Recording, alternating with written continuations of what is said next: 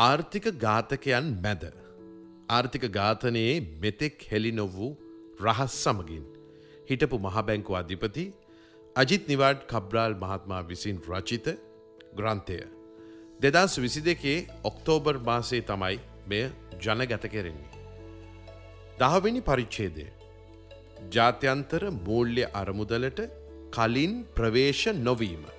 එම දේශීය සැලසුම හරහා කිසිදු යහපත් ප්‍රතිඵල ඇති වූවාද. එසේ නම් ඒවා මොනවාද. ඉහත විස්තර කරන ලද දේශීයව සකසර ලද හෝම් ග්‍රෝන් සැලැස්වානුව දෙදස් විසි දෙක මාර්තු දක්වා කාලය තුළ විදේශ විනිමේ විශාල ප්‍රමාණයක් ලබාගන්නට රජය සහ මහා බැංකුව සමත් වුණා. ඒවා අතර දෙදස් විස්සෙන් පසුව චීන සංවර්ධන බැංකුවෙන් ඇමරිකානු ඩොලර් මිලියන එක්දා සුන්සියකට ආසන්න විදේශ විනිමය ණය අධියර කීපයක් ලබාගෙන තිබෙනවා. දෙවනුව. චීනයේ මහජන බැංකුවෙන් චීන රෙමෙම්බි බිලියන දහයක ඇමරිකානු ඩොලර් මිලියන එක්දස් පන්සියක පමණ ස්වප් පහසුකමක් මහ බැංකුව ලබාගෙන තිබෙනවා. අද වන විටත් එකැන දෙදස් විස්තක සප්තෑම්බර් වෙන විට ඒ කාලය ලිපු වෙලාවෙදී එම ස්වප් පහසුකම ශ්‍රී ලංකා සංචිතවල මහා බැංකුවේ ශේෂපත්‍රය පෙන්වා තිබෙනවා. ආසියානු නිෂ්කාසන සංගමේ ඒෂන් කලීරිං යුනිය පියවම් කල් දැමීම හරහා ශ්‍රී ලංකා මහබැංකුව විසින් ඇමරිකාන් ඩොල්ල මිලියන එක්දස් පන්සීකට වැඩි පාලම් බූලිය පහසුකම ප්‍රජිං ෆිනන්ස් වැසිලිටි ඉන්දියාවෙන් ලබාගෙන තිබෙනවා. හතර වෙනවා. ඉන්දියාව සංචිත බැංකුවෙන් රිසර් බැංක of ඉන්ඩියා හරහා ඇමරිකානු ඩොලර් මිලියන හාරසියක ස්වප් පහසුකමක් ලබාගෙන තිබෙනවා. පස් වෙනුව බංගලදේශය මහ බැංකුව හරහා ඇමරිකාන් ඩොලර් මිලියන දෙසීයක ස්වප් පහසුකමක් ලබාගෙන තිබෙනවා. උදාහරණයක් වශයෙන් මම කිව්වන ජාත්‍යන්ත්‍ර මූල්‍ය අරමුදලේ වසරකට ලැබෙන්නේ ඇමරිකාන් ඩොලර් මිලියන හයසිය හැට හයක් පමණ ඒ මුදල රිසර් බැංක ඉන්ඩියයකින් සහ බංගලදේශයේ මහ බැංකුවෙන් අපි ලබාගෙන තියෙන ඊට තුළ ඉතාමත්ම කෙටි කාලයකි. ති ඒකින් පෙනියනවා මුදල් නොලැබුණා නොවේ. මුදල් ලැබෙන්න්නට හොඳ ප්‍රවණතාවයක් ඒ කාලෙදිත් තිබුණ. ඉහතකී විදේශ විනිමය ගලායම් වල එකතුව ඇමරිකානු ඩොලර් මිලියන හාර්දාස් නමසය පණහක් හෝ ඇමරිකාන් ඩොලර් බිලියන පහක පමණ මුදලක් වෙනවා.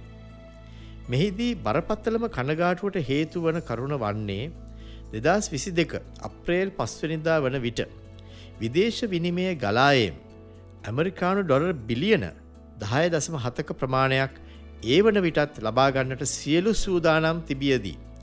නාය පැහැරහැරීම හේතුකොටගෙන එතැන් පටන් ආර්ථිකය හසුරුවීමට වගකී භාරගත් අයට ඒවා කිසිවක් ලබාගන්නට හැකි නොවීමයි.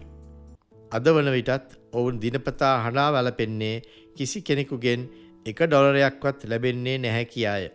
බොහෝ පුද්ගලයෙන් කාලයක් තිස්සේම ප්‍රකාශ කර ඇති පරිදි ජාත්‍යන්ත්‍ර මූල්‍ය අරමුදල සමඟ රජයේ වැඩසටහන කාරම්භල කළේ නම් ශ්‍රී ලංකා රජයට සහ මහ බැංකොට ලැබෙන මුදල් අහමු ලෙස ඇමරිකානු ඩොලර් බිලියන තුනක් පමණය.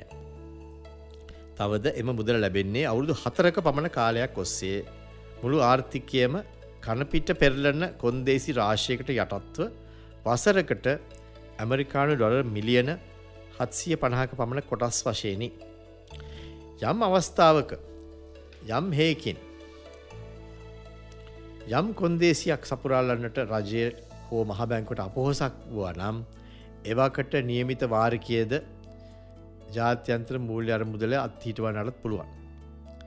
එවැනි අවධානමක් නොවැතිව ඉහත සඳහන් ඇමරිකානු ඩොලර් බිලියන පහක පමණ විදේශ විනිමය තොගයක්. ඉතා බැරෑරුම් වසර දෙකක පමණ කාලයකදී. ජනතාව මත බර නොපටවමින් ලබා ගැනීමට රජය සහ මහැබැංකුව සමත් වී ඇති බව ඕනෑම කෙනෙකුට පෙනීයා යුතුයි. ඒ නිසා මෙවන් විකල්ප ක්‍රමවලින් ශ්‍රී ලංකාව ලබාගත් මුදල ජාත්‍යන්ත්‍ර මූල්‍ය අරමුදල හරහා ලබා ගැනීමට හැකිවෙන මුදලට වඩා බෙහෙවින් වැඩි බව ඉහත පෙන්වා දී ඇති දත්තවලින් හොඳින් පැහැදිලි වෙනවා. තවද මෙලෙස ලබා ගන්නා ලද ඇමරිකානු ඩොලර් බිලියන පහක පමණ විදේශ විනිමය මුදල දෙදස් දහනමේදී දෙසැම්බර් දෙදස් දහනමේ දෙසැම්බර් තිස්වෙක්වෙනි දිනට මහබැංකුව සතු විදේශ විනිමය ඉදිරියට ගෙනා ඇමරිකානු ඩොලර් බිලියන හතයි දසම හයක සංචිතය බෙහෙවින් අප්‍රමාණවත් වුවද එහි යම් කොටසක්ද උපයෝගී කර ගනිමින් දෙදස් විස්ස දෙදස් විසි එක සහ දෙදස් විසි දෙක යන වසරවලදී පියවන ලද ඇමරිකානු ඩොලර් බිලියන දෙකයි දසම පහක් වූ ජාත්‍යන්ත්‍ර ස්වෛරී බැඳුම් කර කාණ්ඩ තුනක්ද ඇතුළුව කල් පිරෙන ලද සියලුම ණය පියවන ලදී. ඊට අමතරව රාජ්‍ය බැංකුවලට ඇමරිකානු ඩොලර් බිලියන දෙකකට ආසන්න ද්‍රවශීල සහ සහයක්ද සපයන ලද අතර රජය ඉල්ලීම් පරිදි ආහාර ඉන්දන ගෑස් ගල්ලඟුරු ඖෂධ යනාදී ඇතුළු හදිසි අත්‍යවශ්‍ය ආයන ආනායන සඳහා තවත් ඇමරිකානු ඩොලර් බිලියන එකයි දසම අටක පමණ විදේශ විනිමේද සපයනු ලැබුවා. මේ පිළිබඳව දෙදස් විසි දෙකේ මාර්තු දහට වෙනිදා පවත්වන ලද සර්ව පාක්ෂික සමුළුවේදී ඉතා විස්තරාත්මක විග්‍රහයක් ම විසින් කරනු ලැබවා.